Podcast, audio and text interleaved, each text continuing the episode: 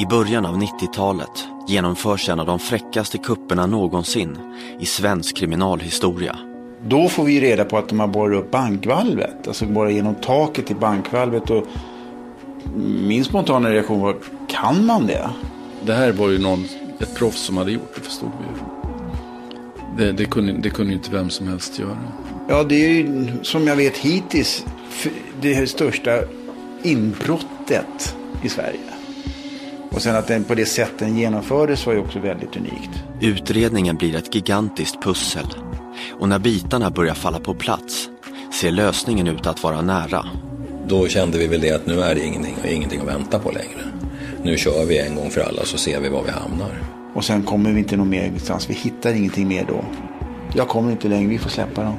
Sökandet efter sanningen pågår i mer än två års tid och kantas av både framgångar och besvikelser. Alltså man levde ju med det här ärendet. Det är första gången jag har levt med ett ärende. Under ett halvårs tid tror jag. Det åt upp en det här ärendet. Alltså. Hela tiden tänkte jag på det. Aftonbladet presenterar historien om ett brott. Om Gotabankskuppen. Med mig, Kristoffer Hansson. Det sticker ut som ett av de mest eh, iskalla kupper som har skett faktiskt.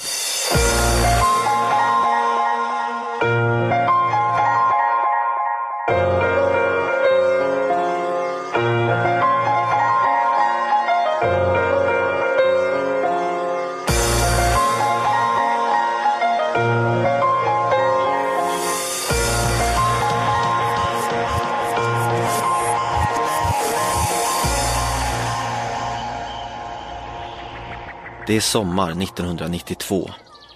I Barcelona pågår sommar-OS och i Stockholm trängs besökarna på stadens gator i och med Vattenfestivalen som anordnas för andra året i rad. Samtidigt börjar människor återvända till sina arbetsplatser efter att ha haft semester. Bland dessa fanns polismannen Ulf Seldé som ingick i en spaningsgrupp vid Huddingepolisen söder om Stockholm. Vi kom till station och vi skulle jobba, börja med att jobba kväll. Hade väl tänkt att vi skulle börja på att arbeta upp ärenden som vi hade liggande. Och eh, kommer till station och lite kalabalik på station. Och säger att vi ska åka ut till något inbrott på Gotabanken i Alby. Och eftersom det är direkt efter semester så hade ju vi tänkt att sitta i lugn och ro. I sommar, solfint, kortbyxor, schysst t-shirt solbriller och ha det bra. Så blev det inte, utan vi fick åka ut till det här, eh, till Alby. Även spaningskollegan Torsten Alm blir kommenderad till Stockholmsförorten Alby. Ja, chefen säger helt enkelt, vad gör ni här? Ni ska vara i Alby, för de har gjort inbrott eller rånat Gotabanken där. Och ja, man tänker inte så mycket mer på det, utan vi åker dit helt enkelt och säger, de har gjort en inbrott där, de åker dit, polisen finns där, eller teknikerna finns där och några från Gotabanken. De vill prata med er om det där. Där så mötte eh, Gotabankens ledning upp i kostym och grejer. Så vi kände oss lite malätna när vi kom ut. Och våra tekniker, de var väl nästan klara när vi kom dit tror jag. Och sen var ju då som Uffe sa, hela, eller mer eller mindre hela ledningen för Gotabanken var där i kostym. Och när de fick se oss var de inte så imponerade att det är vi som skulle utreda det här brottet. Två slashassar ansåg väl de då att vi såg ut som i våra sommarkläder. Och inbrott, då tänker man ju sådana litet inbrott, de går igenom en dörr eller någonting. Så när vi kommer dit, då får vi reda på att de har borrat upp bankvalvet. Alltså borrat genom taket till bankvalvet. Och min spontana reaktion var, kan man det? Man trodde att det var omöjligt att göra det, men det var ju inte det. Man hade ju bara hål genom 60-70 centimeter armerad betong. Och bryta upp 400-500 bankfack vad det var. Jag minns när man tittade in i bankfacksrummet. Det såg ut som ett bombnedslag. Det var ju uppbrutna bankfack. Alla bankfacken som jag såg var uppbrutna. Sen var mesta i bankfacken utrivet på golvet. Eh, sen tror jag de hade använt vattenkyld borr för att komma igenom eh, taket. Så allting var ju blött där nere. Och eh, jag tror de hade kopplat till vatten där uppe på taket så att de skulle få den här vattenkylningen. Men då, måste de ju, då sprutar de ju vatten hela tiden på borren. Så det var, och det här dammet det stelnade ju i, och sig till en sörja där inne. Så det var ju skitigt och dant där inne. Och det var ju tre hål de borrade som höll på ett bra tag. Ja, det, det såg ut som en... Som någon hade levt om riktigt där inne. En riktig rövare. Man kommer snart fram till att gärningsmännen kommit in i Alby centrum via det utrymme som finns mellan ytter och innertaket. Därifrån tar man sig in i byggnaden och sedan vidare till utrymmet ovanför Gotabankens valv. Polismannen Torsten Alm igen. Utrymmet mellan innertaket och yttertaket, så att säga, det var ju, man kunde nästan stå rakt. Om man inte, ja, nej men normal, det var nästan en och en halv till två meter beroende på, det gick väl upp och ner så att säga. Och så har man ju på kontor, där har man ju normal takhöjd. Och så har man sådana takplattor och lyfter man på dem, då har du ventilation, då el, datadragningar. Sådana dragningar. Och det, det var där, där uppe de gick då. Och där hade de även då vattenledningar som var till olika sprinklersystem och annat. Som de kunde koppla till vatten för den här diamantborren då som det heter. När de borrade sen. Även ström gick ju där. Jag tror inte ens de behövde tjuvkoppla. Det var väl kontakter till och med. Plugga in så att säga. Både vatten och el. Men frågan som alla ställde sig var, varför hade inte larmet löst ut? Sanningen var den att larmet faktiskt hade gått och inte bara en gång. Det visar sig att hela kuppen finns prydligt dokumenterad i vaktbolagets larmlogg. Gärningsmännen har inte bara haft en osannolik tur. Vaktbolaget Securitas har också gjort en rejäl miss. Ja, vi hade stor hjälp då bland annat av larmbolagets logg, larmloggen då. Där såg man ju dels när de började borra. För då har ju, då har ju vissa larm som går igång. Sen när de kom ner i valvet så har ju rörelsedetektorerna som registrerade när de rörde sig där. Så vi kunde ju se timmarna när de var nere, när de var borta. För de var ju nere och jobbade. De jobbade, ju, de jobbade mest på natten, de var ju där på natten. Det som händer under helgen är följande. Tidigt på lördag morgon den 8 augusti klockan 03.45 går larmet från Alby centrum. Det är ett vibrationslarm från Gotabankens lokaler som reagerat. En väktare åker ut men finner ingen förklaring till larmet. Därefter lämnar han platsen. Men senare på lördagskvällen går larmet återigen. Men eh, då åker dit en bil som åker, vad vi kom, jag kommer ihåg, han åkte bara utanför centrum. Och han såg ingenting, han hörde ingenting. Och då åker han därifrån. Och så fortsatte larmet efter att han har åkt. Klockan 03.27 på natten mot söndag går larmet igen. Den här gången utlöser också brandlarmet. Nu åker både väktare och polis ut till platsen. Men inte heller denna gång hittar man någon förklaring till vad som utlöst larmen. Men man tittar aldrig ovanför innertaket. Under söndagskvällen och natten fortsätter larmen att utlösa gång på gång. Men nu, efter flera utryckningar, på till synes oförklarliga larm, tar till slut vaktbolaget Securitas ett beslut som kommer att få katastrofala följder. De beslutar där inne på centralen att det är fel på larmet. Så de stänger av att det ska gå till polisen. För det, larmet går, de skickar dit en väktare, han åker utanför, han hör ingenting, han ser ingenting utifrån. Och sen går det igång igen och då anser väl någon där inne att larmet är sönder.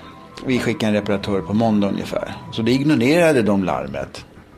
De såg, larmet gick ju sen hela helgen så vi kunde efteråt konstatera när de hade varit i, för det var rörelsedetektorer och sånt där i valvet. Så de reagerade hela tiden när de var där inne sen efteråt. Va?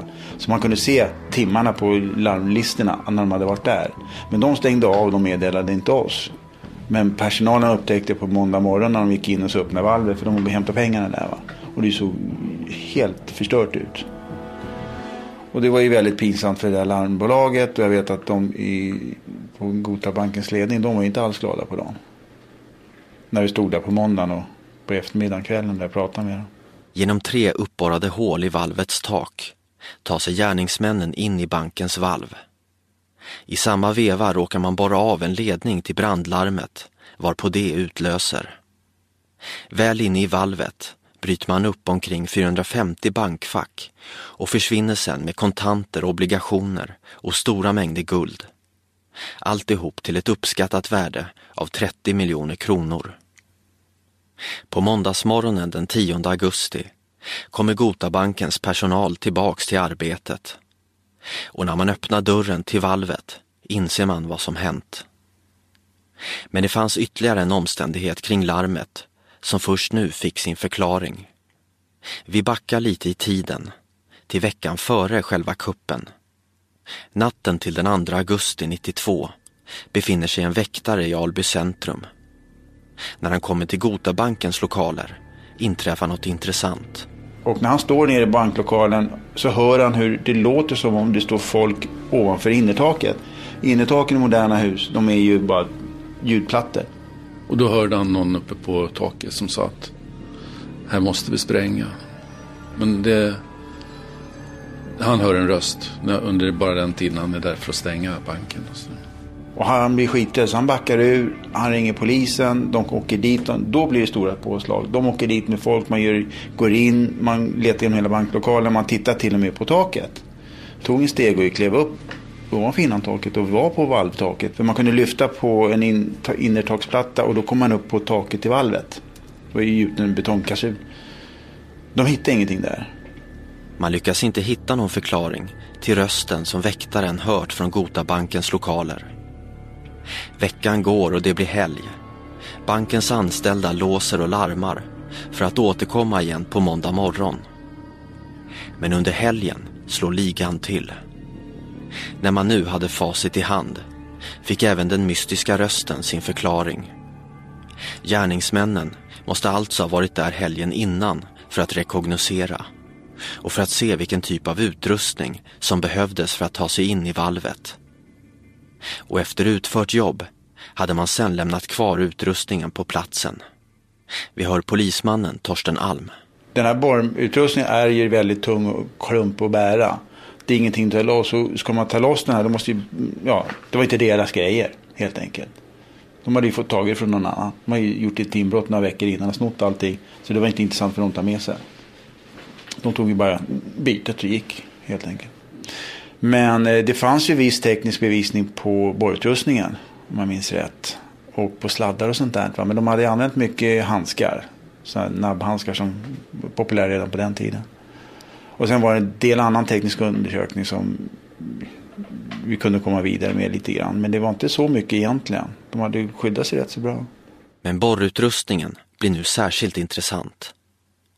Själva borrmaskinen, som väger uppåt 100 kilo, förutsätter att man förankrar stativet med bultar i underlaget.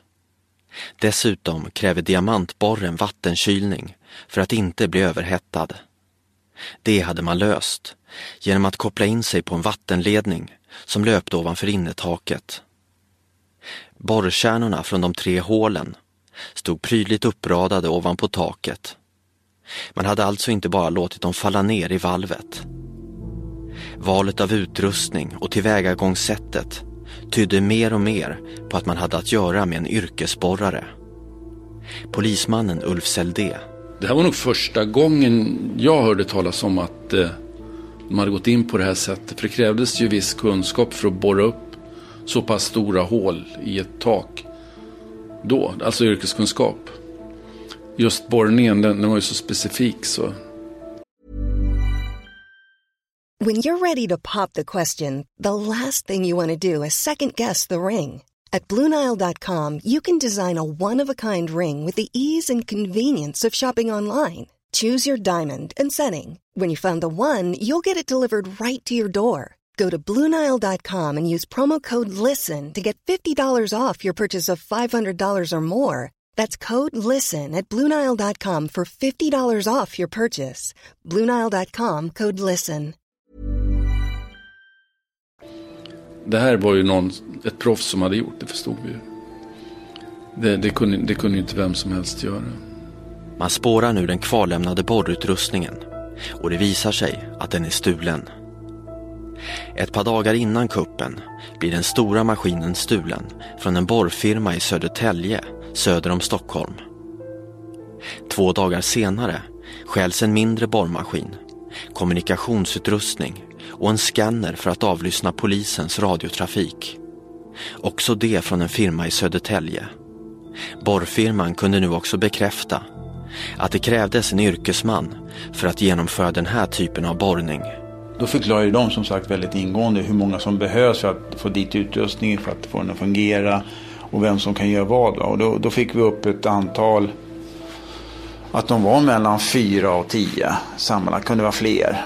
För det var ju, sen kan det inte vara, det kunde ju vara rätt så många på taket i och för sig va, men eh, sen är det bankvalvet, de är ju inte så för stora. Det blir ju trångt till slut.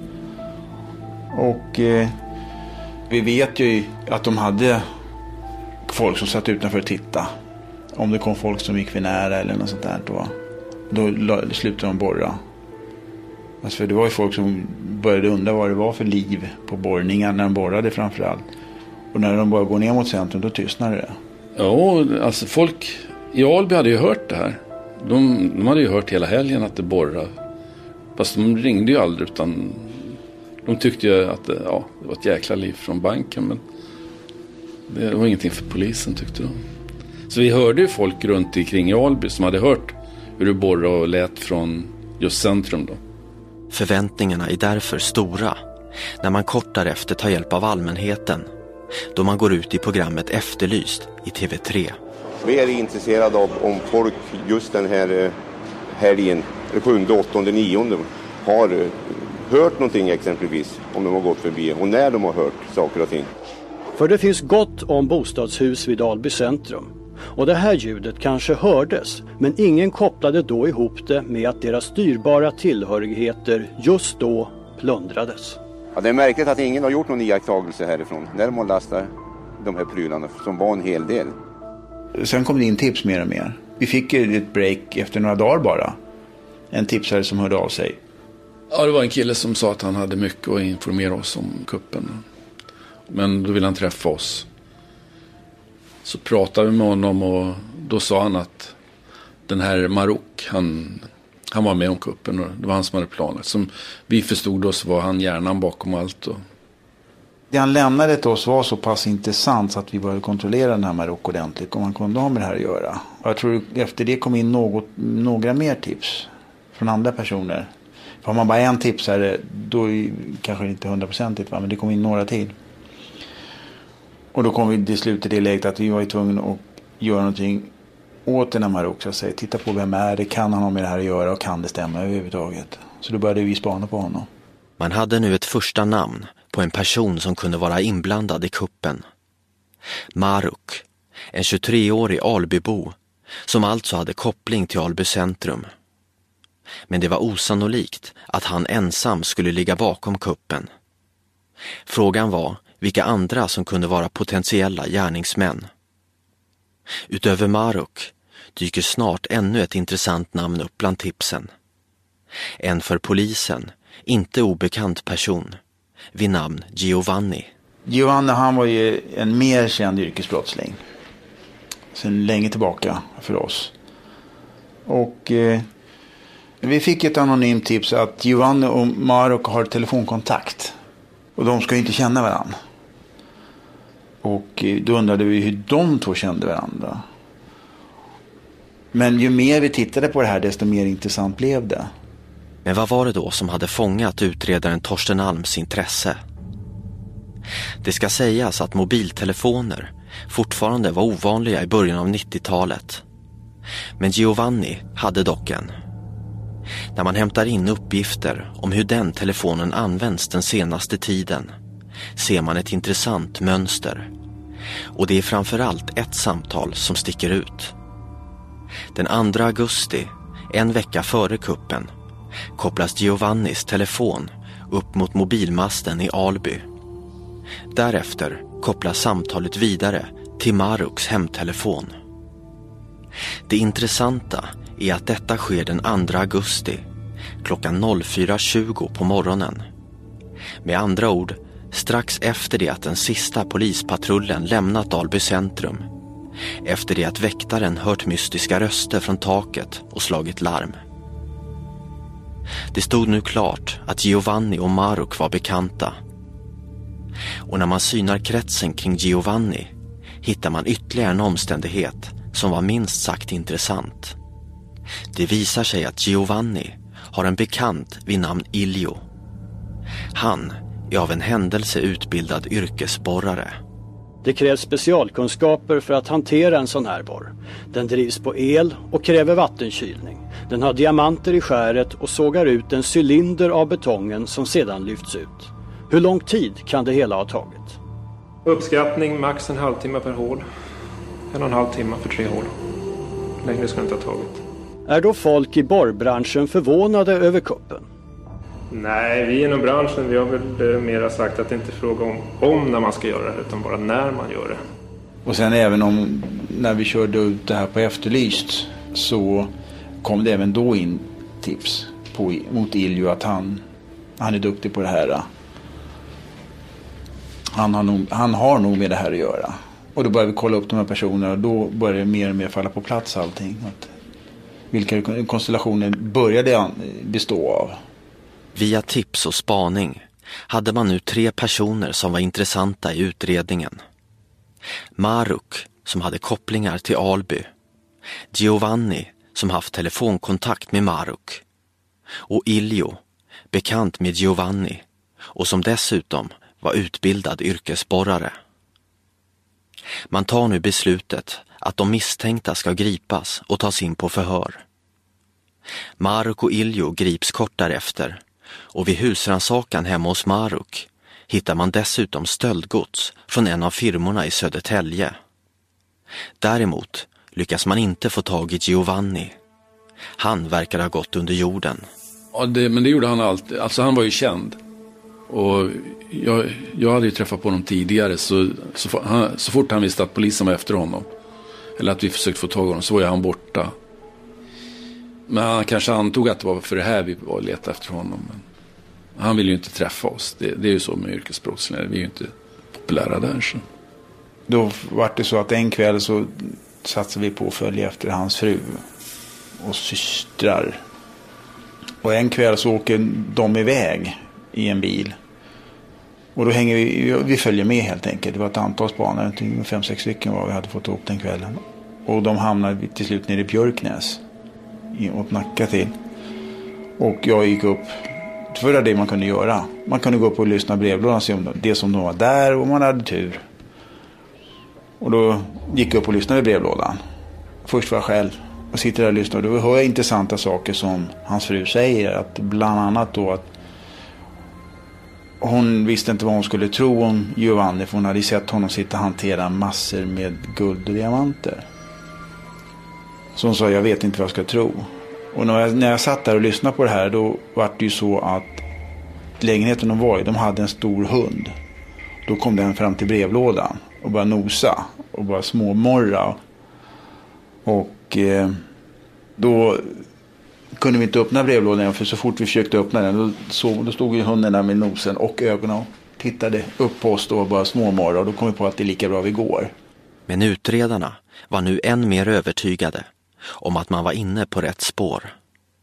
Och när Giovanni slutligen grips, en och en halv månad efter kuppen, så hade man till slut samtliga tre huvudmisstänkta i polisens förvar. Men förhören ger inte mycket. Den enda som egentligen säger någonting är Maruk.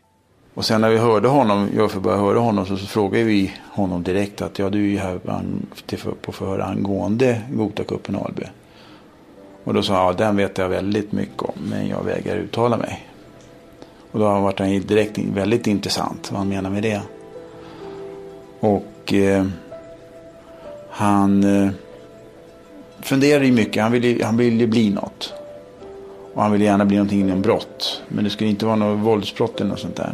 Utan det var ju, det var ju stölder och sånt han höll på med.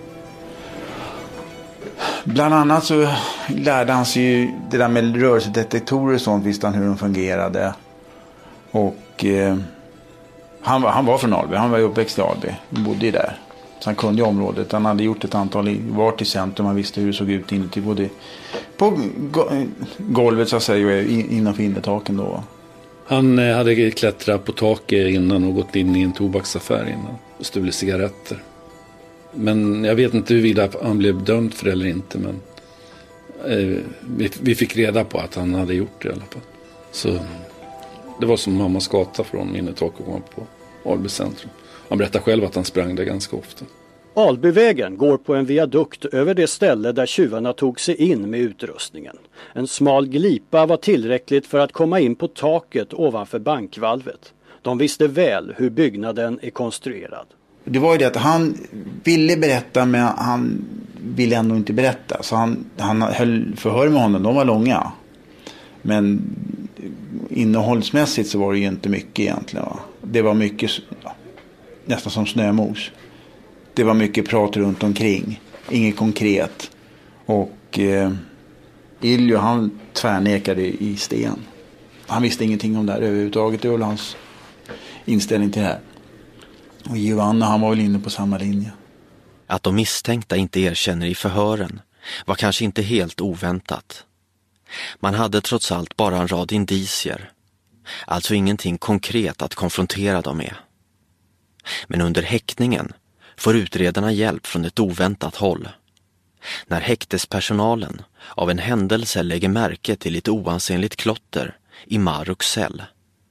Och innehållet gick inte att misstolka. Polismannen Torsten Alm. Så han skrev i sin cell då, den 4 oktober 92 påträffades i cellen på Kronoberg att här är mannen som utfört en av de största bankkupperna någonsin i Sveriges historia, nämligen kuppen mot Gotabanken i Alby, där man borrade ner genom taket. Ingen vet hur mycket pengar, men jag vet 120 miljoner. Och sen om jag minns rätt nu så sa han att det där var bara på skoj. När vi konfronterade honom med de här bitarna. Utredarna köpte nu inte den bortförklaringen. Och när man upptäcker ytterligare klotter så blir det ytterligare en länk i indiciekedjan. Och sen hade han skrivit då, eh, samma dag såg de på en dörrkarm i duschen då, va? en eh, skrift som Mark sa, ja den har jag skrivit. Till Iljo och Giovanni. Från eh, Marok, blånek hela tiden, säg inget, vi känner inte varandra. Den där araben som var med mig har kallat på oss alla. Och eh, det var inte säkert att, i och med att de satt mer eller mindre på samma avdelning, så måste vi få bort någon och då flyttades Marok upp till Luleå. Så det blev att vi fick åka upp dit varje vecka för förhör med honom. Maruks klotter blir en värdefull länk i indiciekedjan. Men man hade också gjort flera värdefulla fynd. I samband med gripandet av Giovanni gör man en husransakan och hittar flera för honom graverande föremål. I ett olåst skjul på tomten hittar man nämligen borrutrustning. På de där borrarna så finns det rester utav murbruk. Och det, det, är samma murbruk som finns i Valve. Och det hittas ju hemma, hemma hos den Giovanni.